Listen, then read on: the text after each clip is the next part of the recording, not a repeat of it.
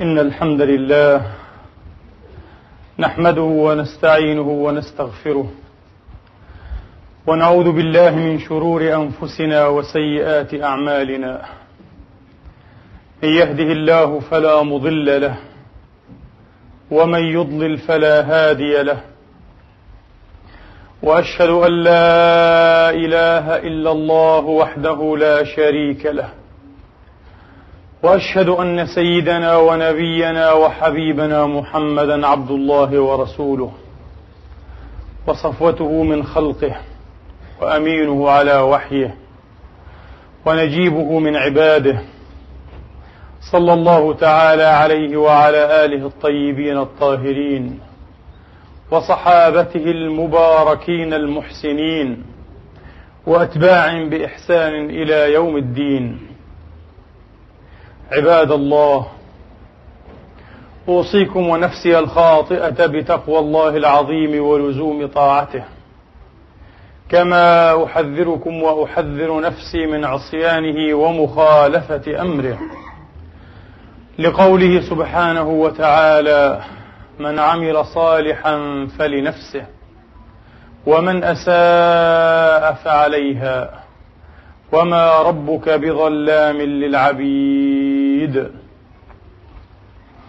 ثم أما بعد أيها الإخوة المسلمون الأفاضل يقول الله سبحانه وتعالى من قائل بعد أن أعوذ بالله من الشيطان الرجيم.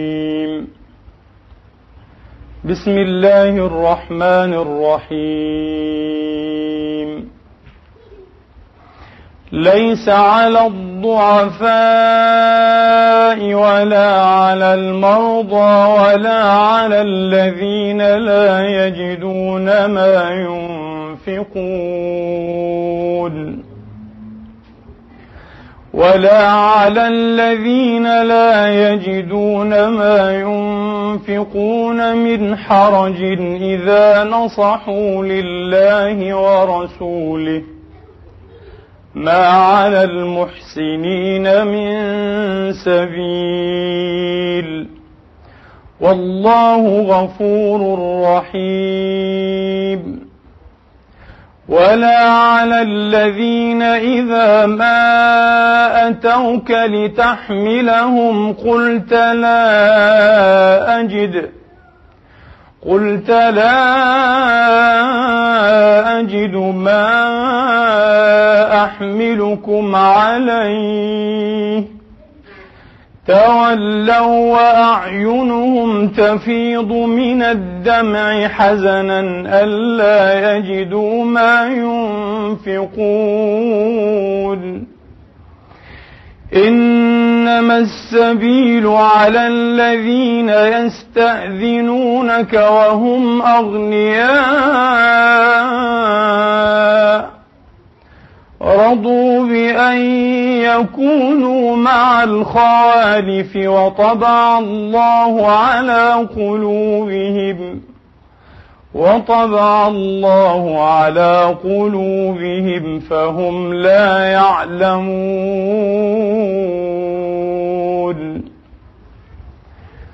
صدق الله العظيم وبلغ رسوله الكريم ونحن على ذلك من الشاهدين.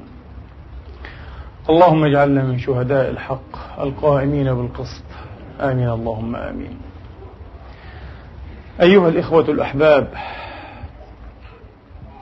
أخرج الإمام ابن جرير والإمام ابن مردوية عن ابن عباس رضي الله تعالى عنهم وأرضاهم أجمعين. قال أمر رسول الله عليه الصلاة وأفضل السلام الناس أن ينبعثوا غازين أي أن يخرجوا في غزوة أن ينبعثوا غازين. فأتته جماعة فيهم عبد الله ابن معقل المزني. قالوا يا رسول الله احملنا. يطلبون ما يحملهم عليه أي ما يركبون عليه لينبعثوا مع الغزاة في سبيل الله. فقال عليه الصلاة وأفضل السلام والله ما عندي ما أحملكم عليه. قال ابن عباس رضي الله عنه وأرضاه فتولوا ولهم بكاء فتولوا ولهم بكاء حزنا أن يحبسوا عن الجهاد في سبيل الله وليس عندهم ما ينفقون ولا ما يحملون عليه. فأنزل الله تبارك وتعالى عذرهم في هذه الآية الكريمة. ليس على الضعفاء ولا على المرضى ولا على الذين لا يجدون ما ينفقون. حرج إذا نصحوا لله ورسوله. ما على المحسنين من سبيل والله غفور رحيم. أيها الإخوة وهذا الذي طلبوا أن يحملوا عليه العجيب أنه ورد في رواية أنه النعال أكرمكم الله. بلغ من فقرهم أنهم لم يكونوا واجدين حتى النعال يتابعونه ويواصلون المشي عليها وبها. يقول علي بن صالح رحمه الله تعالى حدثني مشيخة من جهينة قالوا لقينا الذين طلبوا الحملان من رسول الله والحملان هو ما يحمل عليه يعني الدابة. لقينا الذين طلبوا الحملان من رسول الله فسألناهم فقالوا والله ما سألناه إلا الحملان على النعال. والله ما سألناه إلا الحملان على النعال. الله أكبر. رسول الله عليه الصلاة وأفضل السلام لا يجد نعالا يحمل عليها هؤلاء الصادقين المتشوقين إلى الجهاد والغزو في سبيل الله. وانظروا إلى الدنيا التي فتحت علينا. كم فتحت علينا أيها الإخوة. وفي ماذا ننفق هذه الدنيا؟ كيف نصرف ما أعطانا الله وأولانا وخولنا من نعمه؟ إنها لبلية وأي بلية أيها الإخوة. تولوا وأعينهم تفيض من الدمع حزنا ألا يجدوا ما ينفقون. من علامات الإيمان أيها الإخوة. تولوا وأعينهم تفيض من الدمع حزنا لأنهم لم يحملوا حتى يجاهدوا في سبيل الله. فتولوا محزونين بكائين. وقد كان هؤلاء الكرام يسمون بالبكائين بعد ذلك. وعدوا منهم سبعة بأسمائهم وأعيانهم. فلان ابن فلان وفلان ابن فلان من القبيلة الفلانية. قالوا وكانوا من البكائين ومنهم العرباط ابن سارية. صاحب رسول الله رضي الله تعالى عنه وأرضاه في رواية أنه كان من هؤلاء البكائين من علامة الإيمان. علامة الإيمان أيها الإخوة والأخوات أن تفرح بالحسنة. يوفقك الله تبارك وتعالى إلى فعلها وأن تحزن وأن تتحسر وأن تندم على ما يخلي الله أو يخلي الله بينك وبين نفسك فتحتقب الآثام وتجترح المعاصي والعياذ بالله. فالمؤمن تسره حسنته وتسوءه سيئته. أخرج الإمام الترمذي في جامعه بإسناد حسن وأخرجه الإمام أحمد والإمام الحاكم بطرق صحيحة فالحديث صحيح إن شاء الله. أخرج الإمام الترمذي في جامعه عن عبد الله بن عمر رضي الله عنهما قال خطبنا عمر ابن الخطاب رضي الله عنه تعالى وأرضاه بالجابية مكان يقال له الجابية. فقال إني قمت فيكم مقام رسول الله صلى الله عليه وآله وأصحابه وسلم فينا. قام فينا فقال قام فينا عليه الصلاة وأفضل السلام فقال أيها الناس عليكم بالجماعة فإن يد الله مع الجماعة. وإن الشيطان مع الواحد وهو من الاثنين أبعد. وإن الشيطان مع الواحد وهو من الاثنين أبعد. ومن أراد بحبوحة الجنة وبحبوحة الشيء هي وسطه. ومن أراد بحبوحة الجنة فليلزم الجماعة. ومن سرته سيئته وساءته سيئة ومن سرته حسنته. وساءته سيئته فذلكم المؤمن. ومن سرته حسنته وساءته سيئته فذلكم المؤمن. إنها من علامات الإيمان أيها الإخوة أن تفرح بالطاعة وأن تحزن عن المعصية وأن تحزن على المعصية بسبب المعصية. فما هو القول في من لا يفرح بطاعة ولا يحزن ولا يندم وربما لا يستغفر حتى استغفار اللسان من المعصية. والعياذ بالله. أمره فرط تخليط وفرط. القول فيه أيها الإخوة وفقني الله وإياكم إلى ما فيه سعادتنا في الدارين وإلى ما فيه رضاه عنا سبحانه وتعالى. قول العارف بالله ابن عطاء الله السكندري رضي الله تعالى عنه وأرضاه حيث قال من علامات موت القلب. والعياذ بالله. إنها اذا من علائم موت القلب. أن القلب قد مات لم يعد حيا لم يعد نابضا. من علامات موت القلب من علامات موت القلب. عدم الحزن على ما فاتك من الموافقات. وترك الندم على ما فعلته من وجود الزلات. هكذا بزيادة هذه اللفظة التي لا وجه لها في نظري وجود الزلات. والأحرى أن يقال على ما فعلته من الزلات. لكن هكذا هي في كل النسخ. على ما فعلته من وجود الزلات. إنها أيها الإخوة عافاني الله وإياكم من علائم موت القلب. الذي ينام عن صلاته مثلا وهو قادر على أن يقوم لها. إذا كان الإنسان أيها الإخوة على موعد مع الامتحان مثلا أو مع ما يدر عليه ربحا أو مالا حتى لو كان قليلا. لو كان لديه منبهان فإنه يعمل المنبهين كليهما. إذا فاته أن يتنبه بهذا فلا يفوته أن يتنبه بالثاني. يأخذ كل الاحتياطات. يأخذ أحسن الوسائل حتى لا يضيع عليه الامتحان. امتحان مادة. وقد يستدركها بعد حين بعد أشهر. لكن كيف؟ كيف يضيع الامتحان؟ يا لخيبتنا يا لخسارتنا. يمكن أن يضيع الإنسان أيها الإخوة في امتحان العمر كله. في امتحان العمر كله وهو لا يدري. لأن الله خلى بينه وبين نفسه. لماذا كان عدم الحزن على ما فات من الموافقات وهي الطاعات؟ لماذا كان من علامة موت القلب والعياذ بالله؟ لأن الله يا إخواني وأخواتي لا يوفق إلى طاعته. العبد إلا وهو راض عنه. ولا يخلي بينه وبين نفسه إلا وهو ساخط عليه.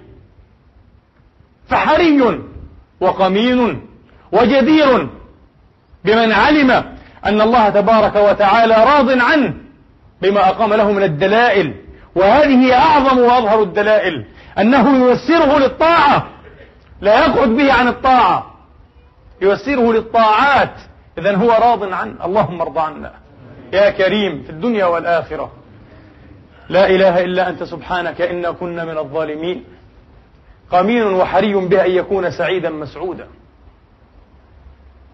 وإذا خلى الله بين عبده وبين المعصية فهي علامة ظاهرة والعياذ بالله أن الله تبارك وتعالى تركه في ركن الإهمال. أهمله أسقطه من عينه لا يبالي به وهو أيضا لا يبالي بنفسه المسكين. لا يبالي بنفسه لا يحزن عليها لا يتندم لا يتلوم لا تأخذه الحسرة لا تتقطعه. وماذا في صلاة تترك؟ أتترك يوما أو ليلة؟ بعض الناس يتركها سنين. بعض الناس يصلي لكن يصلي كيفما اشتهى. إذا كان مع الناس صلى. إذا كانت صلوات النهار صلى في آخر الأوقات لكن صلاة العشاء تشق عليه. إنها في آخر الليل فلينام عنها ينام. وصلاة الصبح أيضا وقتها مبكر جدا. تزعجه وترهقه فلينام عنها وهو ينام. وهكذا أسابيع وشهورا. ولا يسأل نفسه لا يحزن. لا يعود على نفسه باللوم. يخشى على أمثال هؤلاء. نسأل الله السلامة والمعافاة والهداية لنا ولإخواننا وأخواتنا المسلمين والمسلمات أجمعين. يخشى على أمثال هؤلاء أن يكونوا من أصحاب القلوب الميتة أن يكونوا من أصحاب القلوب القاسية. ما بال دينك؟ ما بال دينك؟ ترضى أن تدنسه وثوبك الدهر. مغسول من الدنس. ترجو النساء. ترجو النجاة ولم تسلك مسالكها. إن السفينة لا تجري على اليبس إنه يتمنى على الله الأماني. إنه يتمنى على الله الأماني. يا أخي ويا أختي أوصيكم وأوصي نفسي أولا وقبلا. أن تتهيأوا وأن تتوهموا كل ليلة. حين يضع أحدكم أو إحداكن رأسه على وسادته أنها آخر نومة. بالله عليكم هل تأمن أو هل يأمن أحدكم أو إحداكن ألا تكون آخر نومة؟ أيها الإخوة كل أسبوع تقريبا أو كل أسبوعين كل أسبوع تقريبا في المعدل هذا ما أراه وترونه. يأتينا نبأ نعي أحد إخواننا من هنا من الجنة. ليس من العالم الإسلامي من إخواننا وأكثرهم معروفون لنا. كل أسبوع نسمع رسائل على المحمولات وتأتينا رسائل في البريد الإلكتروني. ندعوكم إلى تشييع جنازة أخينا المرحوم فلان الفلاني رحمة الله عليه. الله أكبر. إنه ابن أربعين. مات. افتلت اخترم. مات بأجله. انتهى نفسه. انتهت أيامه المعدودة. هل أدراك أحد؟ هل ضمن لك أحد؟ ألا تكون آخر أنفاسك الليلة؟ أو غدا أو بعد غد يا مسكين. لما التسويف؟ لما التأجيل؟ لما هذه الغفلة والتفريط؟ حتى متى؟ إلى متى يا مسكين؟ كيف تواجه ربك غدا؟ ما هو عذرك؟ قعيد أشل؟ برحت بك الأمراض؟ حتى لو كنت كذلك على هذه الحالة ليس لك عذر ألا تصلي. أن تترك طاعة الله وأنا خصصت الصلاة بالذكر. لأنه والعياذ بالله. يبدو لا أقول أن الكثير لكن يبدو أن هناك من الناس من المسلمين حتى للأسف من الذين يختلفون إلى المساجد من لا يبالون الصلاة باله. أيها الإخوة لا حظ في الإسلام لمن لا صلاة له. فخلف من بعدهم خلف. بدأ بماذا؟ أضاعوا الصلاة. أول ما بدأ به من أوصافهم. أضاعوا الصلاة. أضاعوا الصلاة واتبعوا الشهوات. فسوف يلقون غيا. لم يقل سوف يلقون مغفرة ورحمة لأن الله واسع المغفرة عميم الرحمة. إن رحمة الله قريب من المحسنين. أحسن إلى نفسك ليحسن الله إليك. لكن تطلب من الله الخير والدلالة في الدنيا والآخرة. وأنت حتى تفرط بهذا المعقد من معاقد الدين وبهذا الركن من الدين الركين. إنها الأماني إذن إنها الأحلام إنها الغفلة إنها قسوة القلب أو موته والعياذ بالله. إنها حبائل الشيطان. دخلوا على ابن مسعود رضي الله تعالى عنه وأرضاه يوما فإذا هو يبكي. فقالوا له يا أبا عبد الرحمن ما الذي يبكيك؟ رحمك الله. قال أبكي لأنني مريض لكنه لا يبكي من المرض. أبكي لأنني مريض. وقد سمعت رسول الله عليه الصلاة وأفضل السلام يقول إذا مرض العبد المؤمن أو سافر كتب الله له من الأجر مثلما كان يعمل صحيحا مقيما. فابن مسعود يبكي لأنه لم يكن قد اجتهد في العبادة في حال الصحة قبل أن يمرض. وهو الآن نادم ولا يستطيع أن يعبد كما ينبغي كما يحب. فيبكي على أن الله لو وفقه إلى مزيد عبادة بالأمس أو أول أمس قبل أن يمرض لكتب له هذا الأجر الآن. الله أكبر. أنظرتم أي الإيمان كيف يعمل في صاحبه؟ ومن سرته حسنته وساءته سيئته فذلكم المؤمن. ليست المسألة أن يدعي أحدنا أنه يحمل هم الإسلام هم المسلمين هم فلسطين هم المحرومين وهو لا يحمل هم نفسه. هو لا يجاهد نفسه حتى في هذه الأشياء اليسيرة. أيرتجى منه غدا أن يجاهد في الأشياء الكبيرة؟ على وجه يرضي الله لا والله. وأقسم عليها لا والله. إنها الأماني كما قلت لكم. وفي هذا المعنى الذي ذكره ابن مسعود رضي الله تعالى عنهم وأرضاهم أجمعين روى أيضا حديثا آخر جليلا. أخرجه الإمام أبو داود الطيالسي وليس أبو داود صاحب السنن الخراساني. أبو داود الطيالسي أستاذ الإمام أحمد وابن المديني وغيرهم. روى أبو داود الطيالسي في مسنده عن عبد الله بن مسعود رضي الله تعالى عنهم وأرضاهم أجمعين. قال رفع رسول الله عليه الصلاة وأفضل السلام بصره أي يوما في مجلس ثم خفض فقلنا يا رسول الله مما صنعت ذلك؟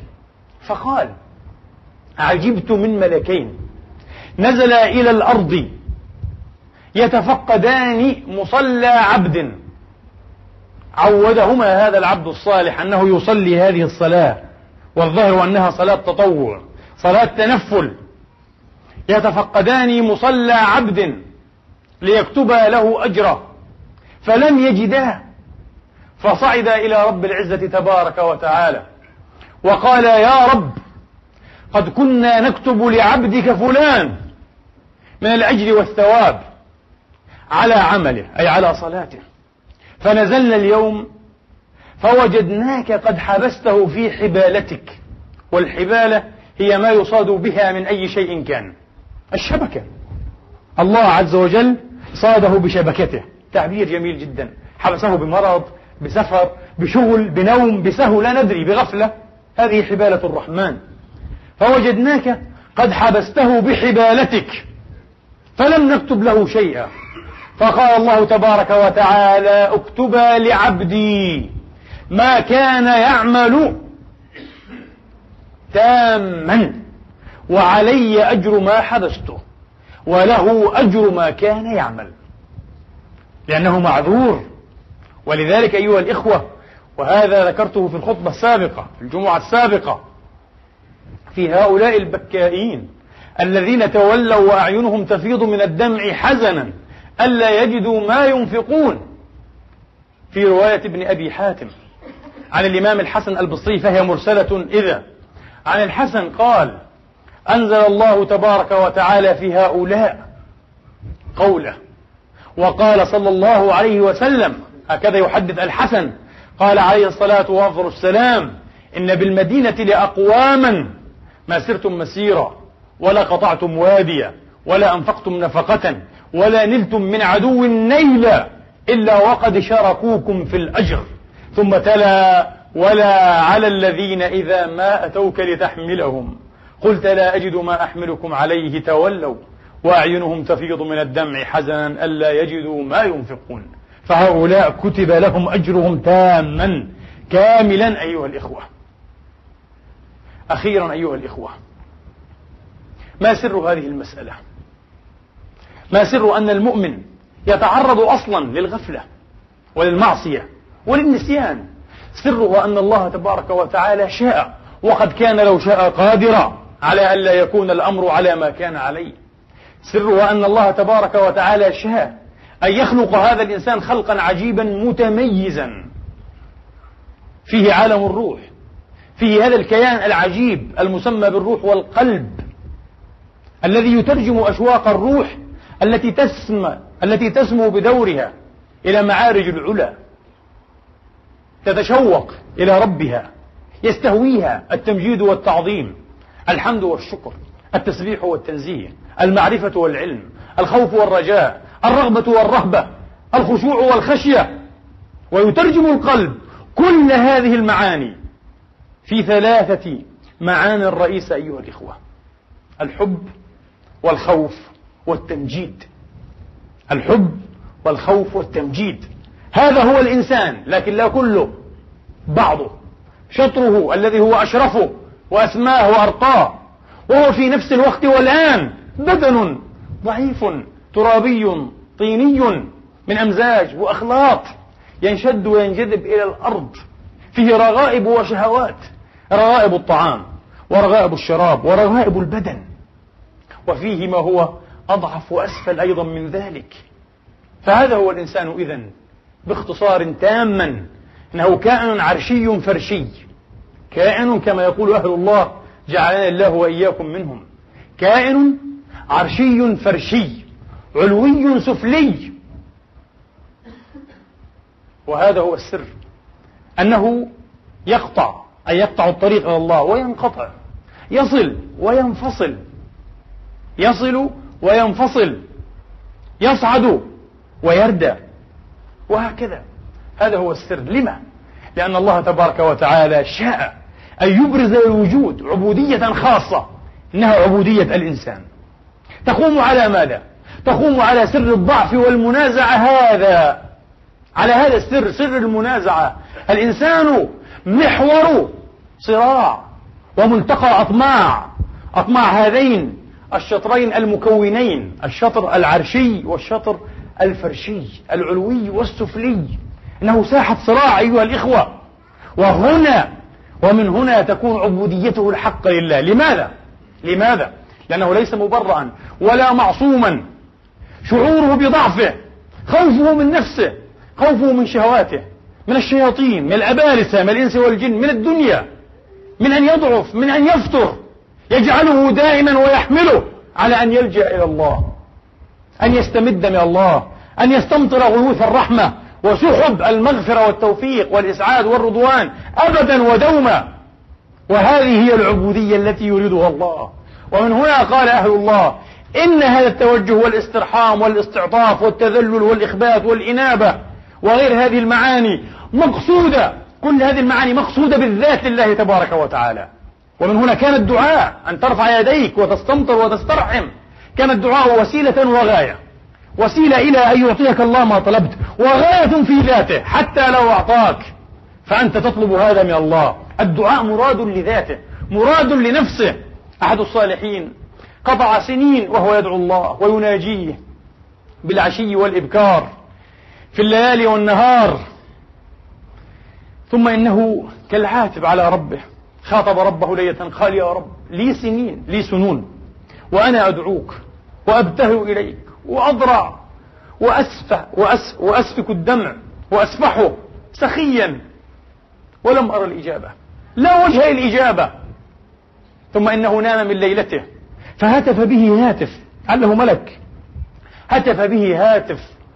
قال يا فلان هذا البكاء وهذه الدموع وهذه الضراعة وهذا الإخبات وهذا الرجاء وهذه الخشية هي جواب الله على عبادتك.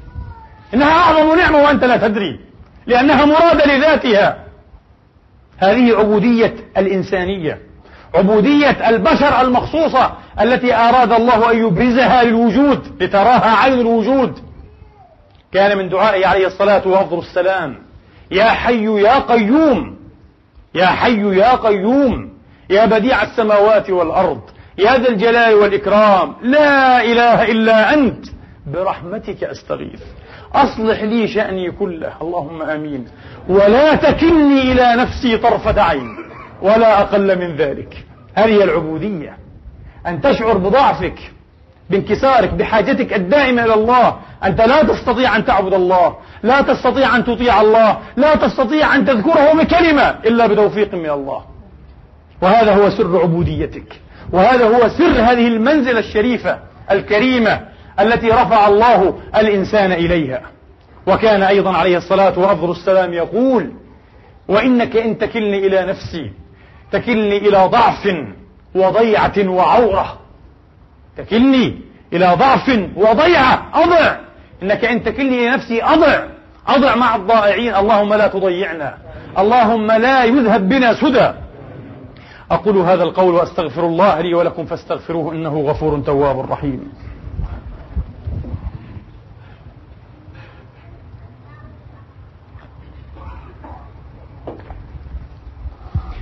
الحمد لله. الحمد لله الذي يقبل التوبة عن عباده ويعفو عن السيئات ويعلم ما تفعلون.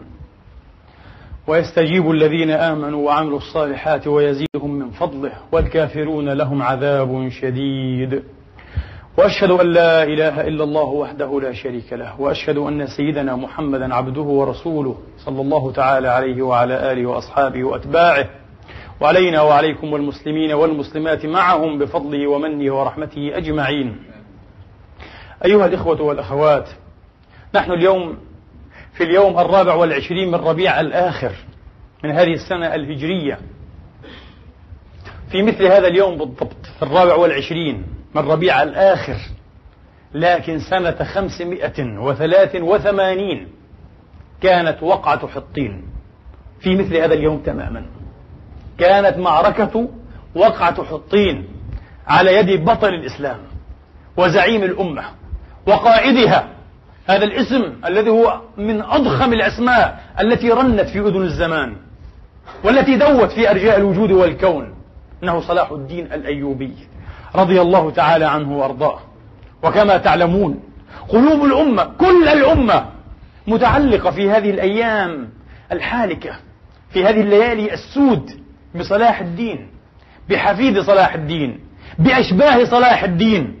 ولن يعجز الله ولن يعجز الغيب أن يخرج لهذه الأمة المرحومة إن شاء الله تعالى مثل صلاح الدين. لأن صلاح الدين أيها الإخوة حين خرج أتعلمون في أي وقت وفي أي ظرف وفي أي حالة خرج؟ خرج ونحن موقنون. نستطيع أن نجزم أن الأمة كانت شرا وأسوأ حالا منها اليوم. كان فيها من الممالك والدول أيها الإخوة بمقدار ما في بلاد الإسلام من بلدات وبليدات. أسماء منكرة ومسالك أشد نكرة. أسماء أمراء وسلاطين وملوك أكثرهم عملاء للصليبيين. عملاء بشكل واضح. العجب أن الشعوب كانت ترضى بهذه العمالة. ترضى بالعمالة السافرة للصليبيين القتلة المتوحشين الفرنجة. ترضى. ولا تحرك ساكنا ولا ترفع عقيرة بصياح ولا باستنكار. شبه موت. أكثر تجزؤا أكثر انقساما. والعزيمة رماد أيها الإخوة. ليس فيها نار. ومع ذلك من بين هذه الأسماء المنكرة العجيبة الغريبة. كيف استطاع صلاح الدين؟ كيف استطاع أن يخرج بطلا فذا؟ زعيما مخلدا؟ قائدا مظفرا؟ من بين هؤلاء الحثالة. من بين كما قلت هذا الرماد. من بين هذا الطين والتراب خرج صلاح الدين. تعلمون كيف؟ بعض الناس يتفلسف ويتعبون بهذه الفلسفة.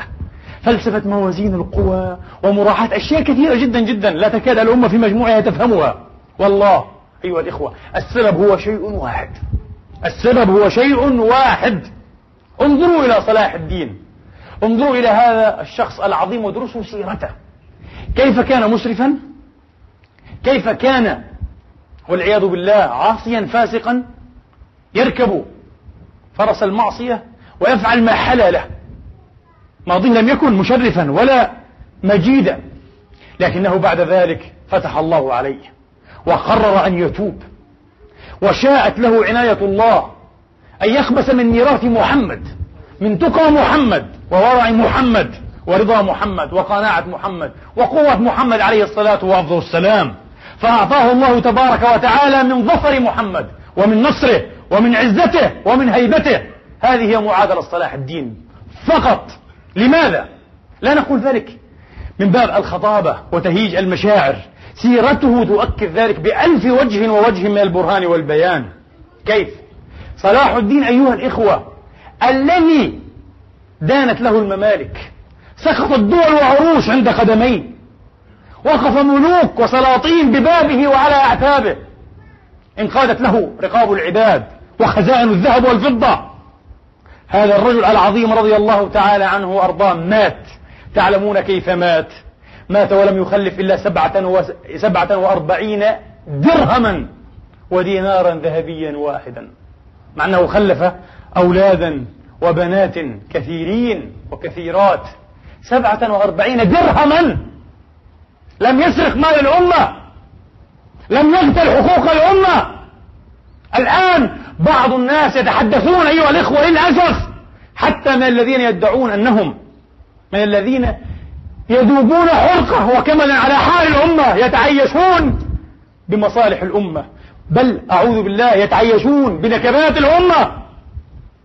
من الذين لهم لحى ومن غير أصحاب اللحى. صلاح الدين كان سلطانا كما قلت لكم. دانت له الدنيا سبعة وأربعين درهما لا إله إلا الله ودينارا واحدا يقول مؤرخه القاضي ابن شداد رحمة الله تعالى عليه يقول مات وجهز والله بالدين. الله أكبر. بالدين. جهز هذا الرجل دفن جهز كفنوه بالدين. مات يقول القاضي ابن شداد ويقسم مات وجهز والله بالدين.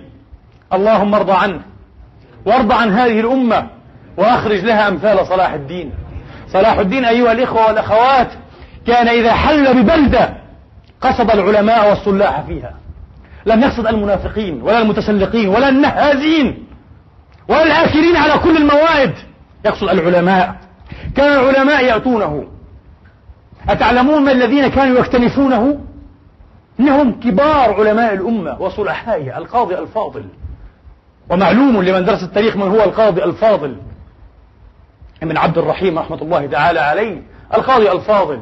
والقاضي ابن زكي والقاضي ابن شداد وغير هؤلاء. صلاح الدين يقول السيوطي هو فقط وقبله هارون الرشيد ملكان سلطانان أوحدان في تاريخ الأمة اللذان سافرا للقاء العلماء. سلطان قصد مصر ومن مصر القاهرة كناية الإسلام قصد الإسكندرية. صلاح الدين هو وأولاده كان يصطحب معه أبناء. يعلمهم أن يسيروا هذه السيرة. إلى أين؟ إلى الحافظ الإصبهاني بالإسكندرية. طرق عليه بابه وجلس منه مجلس التلميذ والمتعلم. طلب من العلماء أن يضعوا له عقيدة حقة عقيدة الأمة المرحومة عقيدة التوحيد. فجعل يترواها ويتحفظها ليتقرب بها إلى الله. بدأ بإصلاح اعتقاده وأصلح مسلكه. وأما العبادة فحدث ولا حرج. كان لا يترك صلاة الجماعة. لا يقول أنا مجاهد أنا أريد أن أخلص الأمة من نير الصليبيين فأنا أفرط في الصلوات. كان لا يفرط حتى في صلاة الجماعة. ولم يترك الصلاة صلاة الجماعة إلا في الأيام الثلاثة الآخرة الأخيرة من عمره حيث غاب عن الوعي أيها الإخوة. وكان لا يكاد يترك قيام الليل. يقوم الليل دوما ويكثر جدا من تلاوة كتاب الله والاستماع إليه بلهجته الكردية. بلهجته الكردية لأنه لم يكن يستطيع أن يقيم لسانه بكل الأحرف العربية من مخارجها. نحن نعلم الدنيا أفانين القول لكن لا عمل لا إخلاص لا صدق لا قيادة حقة هو كردي يتحدث العربية بلكنة كردية. يقرأ القرآن بهذه اللكنة ويستمع إليه ويسفح الدموع. كان كثير البكاء إذا استمع إلى كلام الله تبارك وتعالى. لا يكاد كما قلت لكم يترك قيام الليل. وفيه قال الشاعر معاصره جمع الشجاعة والخشوع لربه. ما أعظم المحراب في المحراب. جمع الشجاعة والخشوع لربه. ما أعظم المحراب في المحراب. المحراب الثانية هو هذا محراب الصلاة. والمحراب الأولى الرجل كثير الحرب. القائد الذي يحارب دائما صيغة مبالغة. ما أعظم المحراب في المحراب. فعلا ما أحسن المحراب في المحراب. كان يقيم الحق ولا يبالي في الله ولا يخشى لومة لائم ولا يحابي أقرب الناس إليه. أتعلمون من كان أعز الناس لديه وأقرب الناس إلى قلبه؟ ابن أخيه تقي الدين. كان أحب الناس إليه. شكاه رجل من عامة أهل دمشق يدعى زهيرا. فنكل بابن أخيه على مرأة من الناس. عاقبه وأنزل به عذابا جعله نكالا للناس وهو أعز الناس إليه. أو عليه وأقرب الناس وأدناهم إلى قلبه. الحق أحق أن يتبع. الحق فوق الأبناء وفوق الأقرباء وفوق النفوس. لا جرم أنه كان جديرا بنصر الله. لا جرم أنه كان حقيقا بأن يفتح الله على يديه وأن يمكن لهذه الأمة. أين مثل صلاح الدين؟ لن يعجز الغيب إن شاء الله أن يلد مثل هذا الرجل. اللهم إنا نسألك أن تحسن إلينا. اللهم أحسن إلينا في الدنيا والآخرة. اللهم اغفر لنا وارحمنا. اللهم تولنا يا رب العالمين. اللهم ارفع مقتك وغضبك عنا. اللهم ارفع مقتك وغضبك عنا. اللهم لا تؤاخذنا بما فعل السفهاء منا. اللهم أصلحنا وأصلح بنا. اللهم اجعل حبك أحب الأشياء إلى قلوبنا. واجعل خشيتك أخوف الأشياء عندنا. وإذا أقررت أعين أهل الدنيا من دنياهم فأقر عيوننا من عبادتك. اللهم انصر الإسلام بفضلك وقوتك وأعز المسلمين. اللهم من أراد بالإسلام وبالمسلمين خيرا فكله خير معين. ومن أراد به وبهم شرا فخذه أخذ عزيز مقتدر. اللهم انصر إخوان المجاهدين في كل مكان. اللهم انصر إخوان المجاهدين في فلسطين المباركة المقدسة. اللهم أحص أعداءنا اليهود المجرمين القتلة الغاصبين عددا. واقتلهم بددا ولا تبق منهم أحدا. اللهم لا ترفع لهم راية واجعلهم للعالمين آية يا رب العالمين. اللهم اجعلهم شماتة للشامتين وعبرة للمعتبرين. عباد الله إن الله يأمر بالعدل والإحسان وإيتاء ذي القربى وينهى عن الفحشاء والمنكر والبغي يعظكم لعلكم تذكرون. فستذكرون ما أقول لكم وأفوض أمري إلى الله.